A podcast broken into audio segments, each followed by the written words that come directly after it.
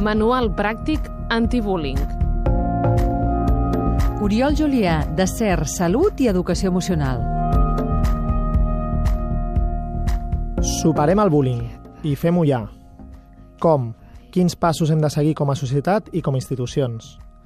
Primer objectiu, tenir un protocol clar i pràctic, cada centre educatiu adaptat a les seves necessitats, amb un model de prevenció, amb eines de detecció continuades i amb una actuació clara si surt un cas de bullying.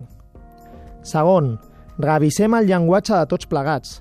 Ara hi ha moltes iniciatives, però hem de vigilar amb el llenguatge.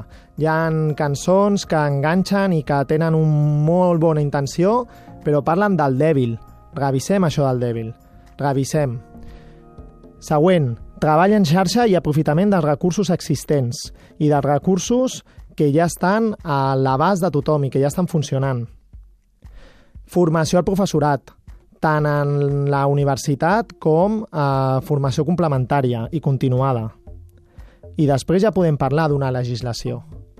Però necessitem tots aquests passos per finalitzar el bullying.